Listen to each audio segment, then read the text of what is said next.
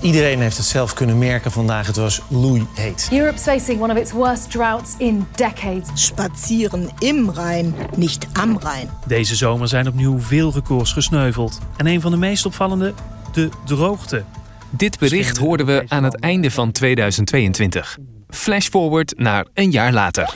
De zomer van 2023 was wereldwijd met afstand de warmste ooit gemeten. Dit meldt EU-dienst Copernicus Climate Change Service. De temperatuur op aarde was in de maanden juni, juli en augustus gemiddeld 16,77 graden, becijfert de dienst. Dat is 0,66 graden hoger dan gemiddeld. Nog geen jaar later is het hitterecord van 2022 alweer verbroken. En dat geldt niet alleen internationaal. Ook in Nederland worden er toplijsten behaald. De Nederlandse zomer van 2023 staat in de top 10 van warmste zomers sinds 1901. De maand juni was gemiddeld meer dan 3 graden warmer dan normaal. De maanden juli en augustus waren daarentegen een stuk natter dan normaal. In juli was het zelfs maar drie dagen helemaal droog. Geen pijl op te trekken, lijkt het. Gaat er nou een zwembroek in de vakantiekoffer of toch beter een paraplu? Het is precies het beeld dat past bij ons veranderende klimaat. Het wordt langzamerhand steeds heter en droger, met steeds heftigere neerslag. De extreme worden extremer. Maar wat blijft er dan nog over van dat bekende en vertrouwde vakantiebeeld? Van files naar het strand, overvolle terrassen en barbecuen in de tuin. Kunnen we überhaupt nog wel buiten vakantie vieren als het 40 graden is? betekent dat er steeds langere periodes komen waarin die hitte van belang is. En een rol speelt in ons leven. En onprettig wordt op een gegeven moment.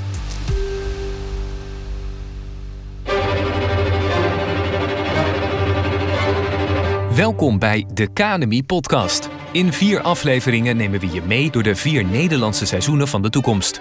Deze toekomstbeelden staan beschreven in de KNMI 23 klimaatscenario's, die eens in de 8 à 9 jaar worden gepubliceerd.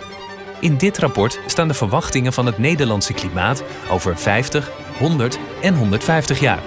Uitgesplitst in hoge en lage scenario's. Hoog, dat is slecht nieuws. Laag, daar willen en moeten we naartoe. In deze aflevering van de KNMI podcast wordt het heet onder onze voeten. We duiken in de zomer. Yes! Het is weer zomer. Boek nu je vakantie aan de zinderende stranden van de geblakerde Nederlandse kust. Neem een duik in de tropisch warme Noordzee, snorkel tussen de exotische vissen bij Scheveningen en haal de gebakken school bij Katwijk aan zee kant en klaar uit het water. Een van de klimaatonderzoekers die heeft meegewerkt aan de KNMI 23 klimaatscenario's is Hielke de Vries. Binnen zijn werk kijkt hij onder andere naar variaties in ons huidige klimaat, maar vooral ook naar veranderingen in de toekomst. Een van de thema's binnen die veranderingen is hitte. Ik heb gekeken naar extreme hitte in Nederland en vlakbij ons. Dus ik heb gekeken naar hoe de intense zomerhitte van 2019, zoals we die hebben meegemaakt, zou kunnen worden als het wereldwijd warmer is. In 2019 stijgt de temperatuur in Nederland voor het eerst naar de 40 graden. Daar komen we later nog op terug. Eerst nog even over die klimaatscenario's. Wat zijn het ook alweer? Bernadette Overbeek van het KNMI vat het nog even samen. De klimaatscenario's die geven aan uh, welke klimaatverandering we in Nederland in de toekomst uh, verwachten. Dus we geven de getallen voor verandering van droogte, extreme neerslag, zeespiegel voor uh, rond 2050, 2100, 2150. De grootste onzekerheid eigenlijk in de scenario's, dat is de mens. Hè? Dat is de, en dat laten we zien in de vorm van hoge uitstoot en lage uitstootscenario's. Nou, de hoge uitstootscenario's die laten zien hoe het klimaat in Nederland eruit ziet uh, als wij de, uh, bij hoge uitstoot van broeikasgassen, dus in het geval uh, mondiaal de wereld 4 graden opwarmt. Nou, het lage uitstootscenario is het scenario wat we behalen bij ja, lage uitstoot van broeikasgassen in het geval we het 2 graden doel, zoals we dat in 2015 in Parijs hebben afgesproken, halen. Het uitbrengen van de klimaatscenario's is cruciaal voor de toekomst. Het geeft ons duidelijke informatie wat er gebeurt als we iets wel of juist niet doen? Ook Lisbeth Hall, projectleider en adviseur op het gebied van klimaat- en gezondheidsrisico's bij het RIVM, ziet de noodzaak ervan in. Ik denk dat het ontzettend belangrijk is omdat klimaatverandering een, een sluipende crisis is. En we weten dat acute crisis, crisis die vragen altijd de aandacht boven de sluipende crisis.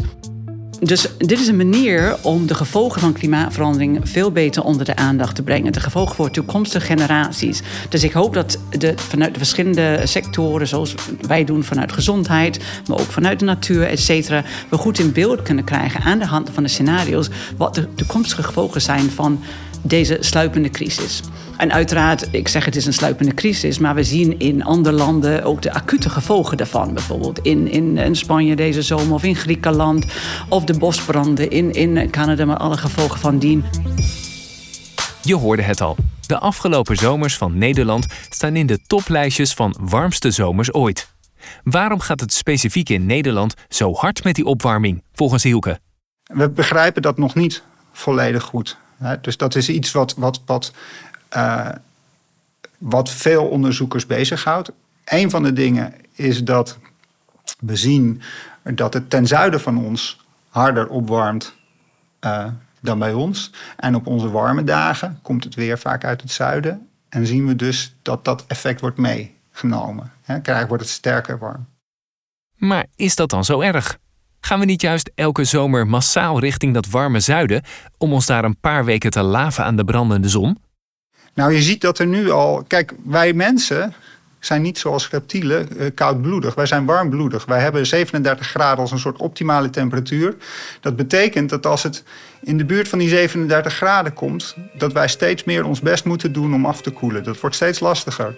Grote gebieden in de wereld, daar hebben mensen al het probleem dat ze overdag bijna niet buiten willen zijn en s'avonds soms ook niet. Die gebieden die nemen dus enorm toe. Een paar weken vakantie kunnen we dan nog wel aan.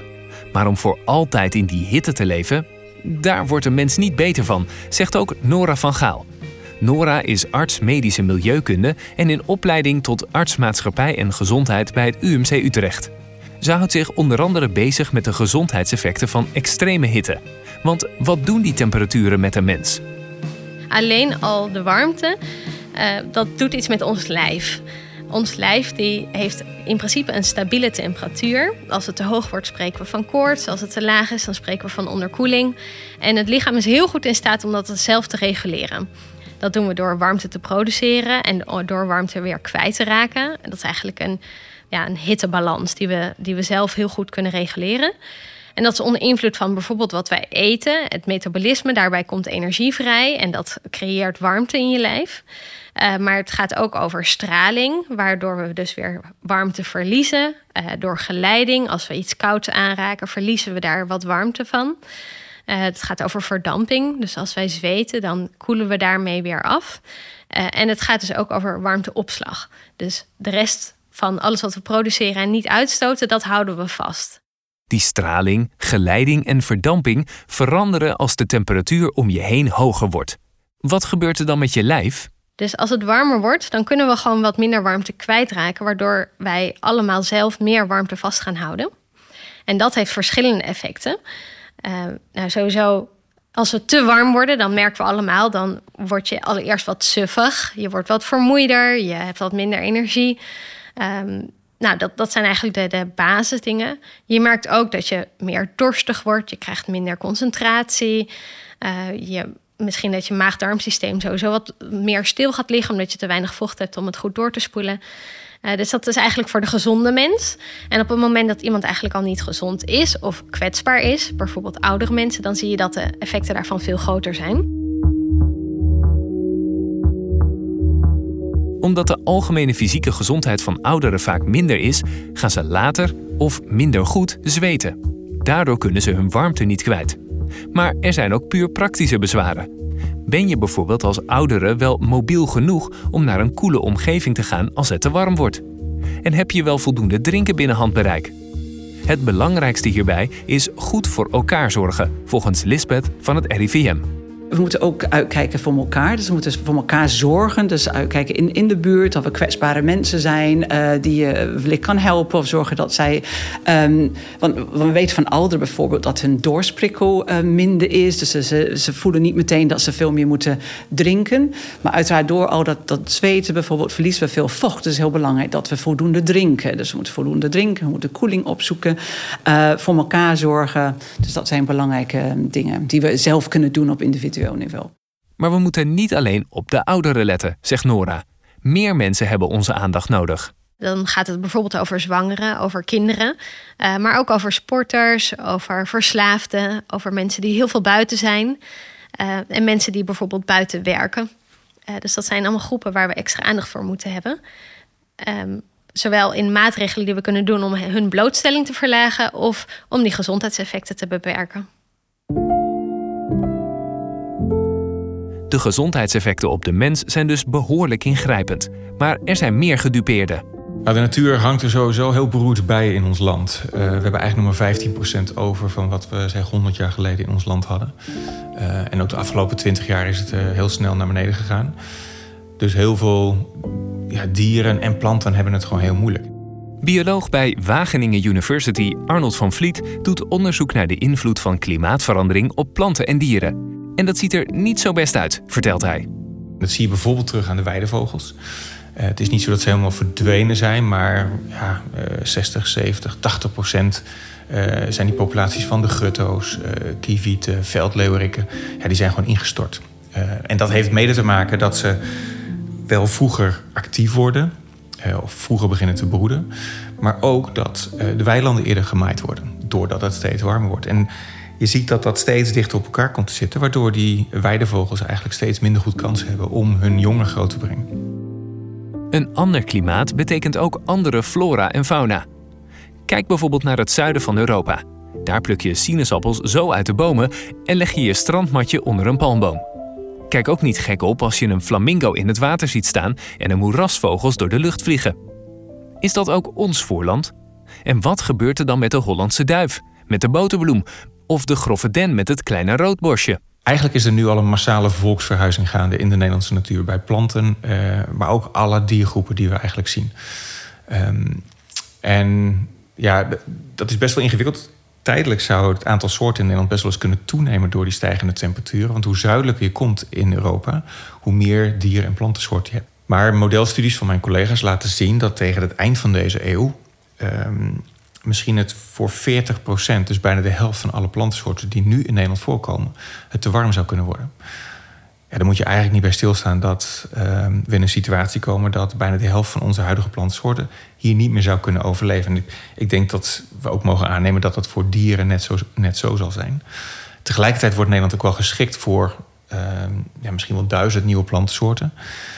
Um, maar ook dat, als die zich hier vestigen, dat gaat ook die hele balans in de natuur verstoren. Dus ja, we maken ons daar grote zorgen over. Hoe die klimaatverandering bovenop al die andere problemen die de natuur heeft, stikstof, uh, verkleining van natuurgebieden, uh, vervuiling, uh, allerlei bestrijdingsmiddelen, hoe die klimaatverandering daar nog eens een enorme klap op zou kunnen geven.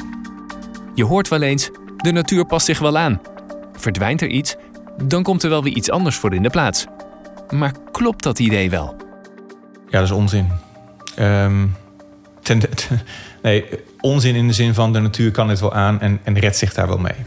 Nee, want um, we zien dat die natuur dramatisch achteruit gaat in Nederland. Um, wij zijn een van de slechtste jongetjes van de klas, zeg maar, uh, Europees gezien.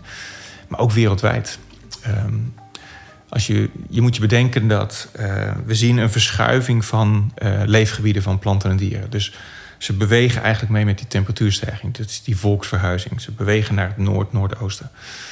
Um, als je bedenkt dat de helft van alle planten en diersoorten in de hotspots voorkomen op, uh, op aarde. Nou, Nederland is duidelijk geen hotspot, maar het Middellandse zeegebied wel.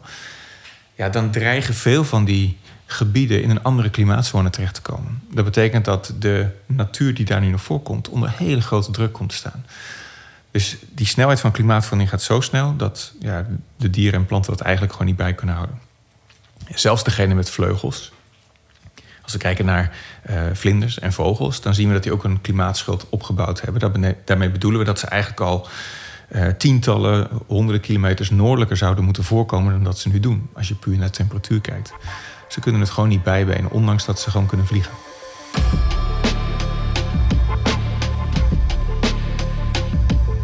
Hielke noemde eerder al de zomerhitte van 2019. Het jaar waarin het in Nederland voor het eerst boven de 40 graden is. Iets waarvan meteorologen dachten het nog lang niet te gaan halen. En die, die hitte die kwam uit het zuiden en er was geen houden aan. De temperatuur die, die, die vloog omhoog. Uh, we haalden die 40 graden op diverse plekken. Een bitterzoete dag. Voor de mensheid en de natuur een dubieus hoogtepunt. Maar voor de meteorologen bij het KNMI heel spannend. Carine Homan, adviseur klimaat bij het KNMI, herinnert zich die 40 graden dag in 2019 nog goed. Ik werkte toen destijds nog in de weerkamer en ik had die dag ook, uh, ook dienst. En dan zit het natuurlijk al wel in de verwachtingen van tevoren. Dus je denkt, ja, het zal eens heel heet kunnen worden. En dan zullen we het record gaan verbreken, zeg maar, wat er al staat. Dus dat is natuurlijk ook wel een soort van ongelooflijk. Maar het werd ook meteen flink verbroken, zeg maar. En je zit dan ook echt naar de waarnemingen te kijken van gaat hij erboven komen? Dat is ook wel, ja, als meteoroloog vind je dat natuurlijk ook altijd wel interessant als er iets buitengewoons gebeurt. Maar het is ook wel een soort van eng dat het ineens zo warm kan worden in, in Nederland. Dat had niemand voor mogelijk gehouden eigenlijk tot voor kort. Dat we die 40 graden zouden halen. Dat waren meer temperaturen voor Spanje. En niet, uh, niet voor Nederland. Die zomer is voor Hielke en zijn collega's extra aanleiding om verder onderzoek te doen. Want waar gaat dit heen? Wat kunnen we verwachten als de CO2-uitstoot zo door blijft gaan? Kan het nog warmer worden?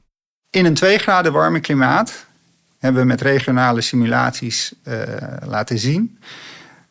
Zou die hittegolf op grote gebieden temperaturen geven tussen de 42 en 45 graden? ja, dat, dat is enorm. En 45 graden, dat is 8 graden warmer dan wij zelf zijn. Dus dat is al heel onprettig. Dan ga je niet meer naar buiten. Dat wordt een soort wereld. En dat is bij 2 graden opwarming. En bij 4 graden opwarming, ja, loop je dus tegen die 50 graden aan. Dat is, dat is onvoorstelbaar. Sceptici zullen zeggen, we hebben 2019 gehad, was een extreme zomer, komt nooit meer terug. Dan zeg ik, oké, dat kan gebeuren. Hè. Dat zou zo kunnen zijn, dat we nooit meer zo'n extreme hittegolf krijgen. Maar dan voor hen, of ook voor alle andere mensen, moet je realiseren dat uh, wij die 2019 eigenlijk al heel extreem vonden, maar in een, in een 4 graden warme klimaat, dan zijn bijna alle zomers zo als die 2019 die we gehad hebben. De resultaten van de simulaties die Hielke heeft uitgevoerd zijn terug te vinden in de KNMI 23 klimaatscenario's. Wat zeggen de hoge en lage scenario's over de steeds warmere zomers? In het hoge scenario neemt die globale temperatuur, dus de mondiale temperatuur, met het al 4 graden toe. En in Nederland is dat dan zelfs iets meer. In het lage scenario, dan uh, warmt het dus niet zo heel sterk op uh, uh, namelijk maar achttiende uh, tot het eind van de eeuw. Daar moeten we echt ons best voor doen. Um, dan zal de, zullen de gevolgen van hitte en de toename in het aantal dagen, zomerse dagen, hittegolfdagen, zal redelijk beperkt blijven. Ga je naar dat meer extreme scenario van 4 graden, of zelfs al bij 2 graden, dan zul je zien dat die veranderingen echt substantieel zijn. De effecten van die extreme opwarming zijn niet alleen te merken in de zomer. Opwarming gaat in alle seizoenen door. die koudste dagen warmen het hardst op en de warmste dagen warmen ook het hardste op. Daartussenin uh, gaat het ietsje minder hard. en nog heel even terugkomen op de historie. Van de afgelopen 30 hittegolven die we hadden sinds 1906 zijn er 14 in de laatste 23 jaar. Dat is dus de helft. Ja. In de klimaatscenario's wordt ook rekening gehouden met een droog toekomstbeeld versus een nat toekomstbeeld. Want droogte drijft die temperatuur zo mogelijk nog verder omhoog. In de winter, zo stellen we ons voor, uh, wordt de grond nat en is alles verzadigd. In het voorjaar gaat de zon schijnen, die gaat lekker daar de boel verdampen. In dat droge scenario Als je dat hebt, dan ga je de zomer in met een droge bodem. En die droge bodem die warmt gewoon veel makkelijker op. Zolang er vocht in de grond zit, is het oké. Als het droger wordt en de zon blijft schijnen, wordt het veel warmer. Dus in die droge scenario's wordt het ook veel warmer. In het hoge en droge scenario hebben we in de zomer van 2100 twee tot vier keer per jaar tropische dagen in Nederland. Meer 40 graden dagen, zoals in 2019 dus. Dit komt ook omdat extreme meer en sneller opwarmen dan gemiddelde. Hoe kan dat? Bij extreme hitte in Nederland komt de wind meestal uit het uh, zuiden. En we zien dat juist uh, in die gebieden ten zuiden van ons, dus rond het Middellandse zeegebied, uh, daar warmt het sterker op dan bij ons. Dus als de wind uit het zuiden komt, krijgen we nog eens die extra opgewarmde lucht onze kant op. En wordt het dus nog warmer bij ons. Je ziet bijvoorbeeld heel vaak bij mooi weer dat de lucht zo uit Spanje over Frankrijk naar ons toe komt. En die is dan onderweg al heel erg opgewarmd. En omdat het daar nog meer opwarmt dan bij ons, komt die ook nog een stukje heter bij ons aan. Waardoor de extremen dus extremer worden. Andersom werkt het precies zo. Aan de koude kant is dat ook zo. Met koud weer komt de wind meestal uit het noordoosten. En in het noordoosten is het in de winter, zeg maar Siberië, Rusland, uh, is het ook sterker opgewarmd dan wereldgemiddeld. Dus de lucht die dan uit het noordoosten komt, is al minder koud dan die pakweg 30 jaar geleden was.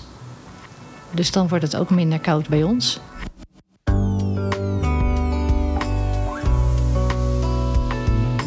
Die zomerse extremen in de toekomst zitten hem niet alleen in de hitte. Ook al worden de zomers droger, het gaat ook meer en heviger regenen.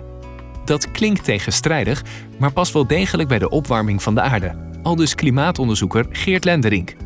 Geert verdiept zich bij het KNMI in de werking van het klimaat op regionale schaal. De focus ligt daarbij op extreme neerslag en dan voornamelijk in de zomer. Hiervoor gebruikt hij klimaatmodellen en weersimulaties waarin hij op zoek gaat naar verbanden. Ik kijk voornamelijk naar verbanden met, met, met de luchtvochtigheid. Wat ik bijvoorbeeld doe is dat ik... Um, voor Nederland hebben we heel veel uurwaarnemingen. Um, en als je al die waarnemingen op een grote hoop gooit... en je kijkt in al die waarnemingen... Eh, dat is dan ongeveer typisch uh, 30 stations, man 30 jaar is 1000 jaar aan. Als je naar, kijkt naar het verband tussen, tussen luchtvochtigheid, absolute luchtvochtigheid, dus de hoeveelheid vocht in de lucht en de intensiteit, dan vind je eigenlijk hele regelmatige verbanden voor de extremen. En het verbazingwekkende is eigenlijk dat de intensiteit die gaat harder omhoog dan de luchtvochtigheid omhoog gaat. Dus, dus als de lucht bijvoorbeeld 10% meer vocht bevat, dan zie je dat de intensiteit vaak 20% hoger is. Die intensiteit zorgt voor extra hevige regenbuien. Ja, dat is, ook dat is echt een gevolg van, van de temperatuur neemt toe. En, en met het, dat de temperatuur toeneemt, neemt ook de hoeveelheid vocht in de atmosfeer neemt toe. En dat zorgt ervoor dat je ja, extremere buien kijkt. Een simpel rekensommetje zegt... 1 graad opwarming staat voor 6 tot 7 procent meer vocht in de atmosfeer... voordat er condensatie plaatsvindt. De vochtigheid neemt toe. Maar waar komt dat door? Is dat een resultaat van de opwarming van de aarde? Ik denk dat je kunt zeggen dat, dat alle buien die voorkomen, dat die beïnvloed zijn door klimaatverandering. Dus waarschijnlijk, ze treden nu op bij hogere luchtvochtigheden. Dus het is absoluut meer vocht in de atmosfeer. Dus al die buien die zijn beïnvloed door klimaatverandering en daarmee waarschijnlijk intenser geworden. Bij het maken van de klimaatscenario's 23 is Geert verantwoordelijk voor alle veranderingen op het gebied van buien in de zomer. Even een cliché uit de lucht helpen. Regent het in Nederland nou echt zo vaak? Nou, dat valt eigenlijk wel mee. De, de, volgens mij regent het ongeveer 7% van de tijd. Dus als je naar buiten stapt, dan heb je een, een 7% kans om ongeveer nat te worden. Uh, als je naar de dagen kijkt, is het ongeveer de helft van het aantal dagen. Um, nu is het wel zo dat, dat neerslag, uh, ja, die treedt eigenlijk heel onregelmatig op.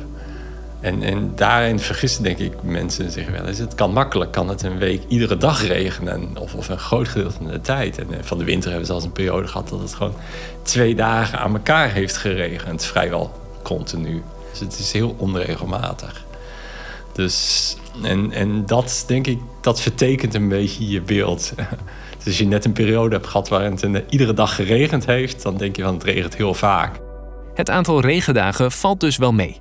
Maar het aantal extreme regendagen zal in de toekomst stijgen. Wanneer spreken we eigenlijk van een extreme regenbui? Nou, het grappige is dat daar eigenlijk geen, geen definitie van is. Uh, dus voor hittegolf heb je een hele goede definitie. En voor neerslag is die er eigenlijk niet. Dus, dus je hebt wel een aantal. Uh, uh, bijvoorbeeld bij, bij 50 mm of, of meer in een dag, spreken met een dag met zware neerslag in Nederland. Nou, 50 mm is eigenlijk de grens waarbij de, het rioolstelsel het eigenlijk makkelijk nog aan moet kunnen, maar daarboven wordt het moeilijker. Um, dus, dus 25 mm in een uur, 50 mm in een dag. Maar dan spreek ik nog niet van een extreem. Dus een extreem als je kijkt in Nederland, typisch ieder jaar heb je wel ergens plekken waar het 50 mm in een uur regent. En dat is echt een extreem. En eh, voor uur neerslag gaat dat tot. Dus, ja, de maximale is iets van 80 mm in uur geweest in Nederland. Maar kijk je naar Frankrijk, kan dat makkelijk 150 zijn, of Italië 200. Dat is een beetje eh, de range aan mogelijkheden. En voor dagelijks zou ik zeggen, boven de 100 is echt extreem. Dan heb je echt wel, echt wel schade. En hoe gaat dat er in de toekomst uitzien? Gaan we die 150 of 200 mm op een dag ook aantikken? In het algemeen kun je zeggen dat we de toenames van de intensiteit verwachten. Dus de buien worden intenser.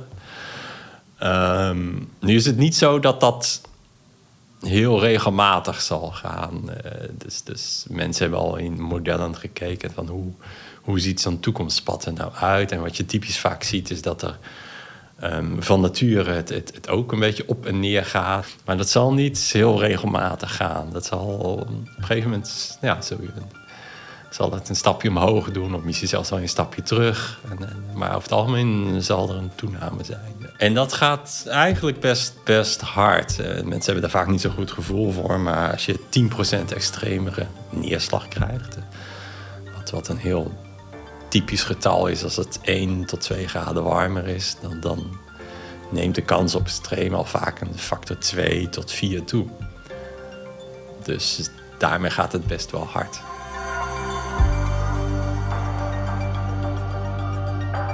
Het wordt heter en het wordt natter. Maar gaan die twee ook altijd gelijk op? Nee, de temperatuur gaat omhoog, de neerslagintensiteit gaat omhoog. Eh, maar ja, je kunt, kunt zomers krijgen die heel warm zijn en droog zijn. Omdat we gewoon een hoge drukgebied hebben. Een hoge drukgebied continu mooi weer en weinig extreme neerslag. Uh, daarbij kun je ook zomers krijgen waar het, um, ja, waar het nog relatief nat is.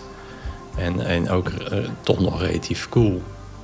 Um, wel warmer dan nu, maar, maar niet zo extreem warm. Dus, dus, dus in die zomers zul je denk ik ook voornamelijk toch wel die extreme neerslag zien.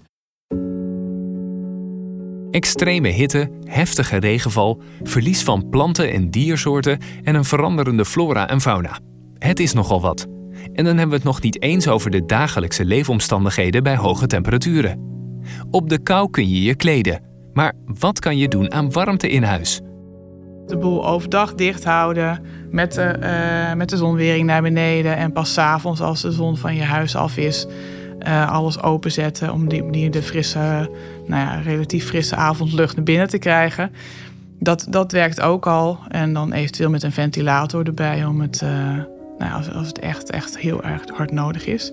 Maar vermijd de airco. Marieke Stolk van Milieu Centraal is er duidelijk over.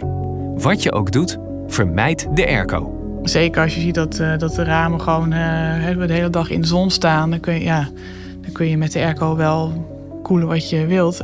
En, dat, uiteindelijk krijg je het ook wel koud, maar wel met een hele grote stroom, uh, stroomverbruik. Dus het beste is te voorkomen dat de ruimte opwarmt. En ja, en dan zonwering aan de binnenkant is dan ook veel minder efficiënt dan aan de buitenkant. Dus probeer, je moet, je moet echt voorkomen dat de zon op het raam gaat schijnen. En dan die extreme neerslag. Hoe weren we ons daartegen? In, met het geval van extreme neerslag is dus ook wel weer een hele belangrijke stap het vergroenen van je tuin. Hoe meer eh, stenen er in je tuin uh, liggen, hoe minder makkelijk dat water op kan worden genomen door de, door de grond. En uh, daarmee stroomt het weg en overbelast je ook uh, de, het riool. Dus hoe meer je in je eigen tuin kan opvangen, hoe beter dat is. Nou, en dat krijg je toch echt voor elkaar door die tegels eruit te halen en veel meer groen in de tuin te, te hebben. Of ehm, een, een soort ja, een wading noem je dat. Dus een soort bekken die je kan aanleggen om water in op te vangen. En natuurlijk ook gewoon de, de regenton die, uh, die ook water opvangt. Maar het belangrijkste is zo min mogelijk steen in je tuin, zodat het water gewoon goed uh, in de grond kan worden opgenomen. En uh, ja, dat is ook voor de verkoeling is dat fijn. Dus ja, die, die tegels moeten echt de tuin uit. Er staat ons een hoop te wachten in de zomers van de toekomst. Maar we kunnen er nog wat aan doen, gelukkig. De schade is te beperken. Dat lage scenario is haalbaar. Maar dan wel onder de voorwaarde dat we er met z'n allen nu werk van gaan maken. Bedankt voor het luisteren naar de zomeraflevering van de Kanemi podcast. Een serie geproduceerd door Potworks. Wil je meer weten over de Kanemi 23 klimaatscenario's? Ga dan naar www.knmi.nl/klimaatscenario's. Tot de volgende keer.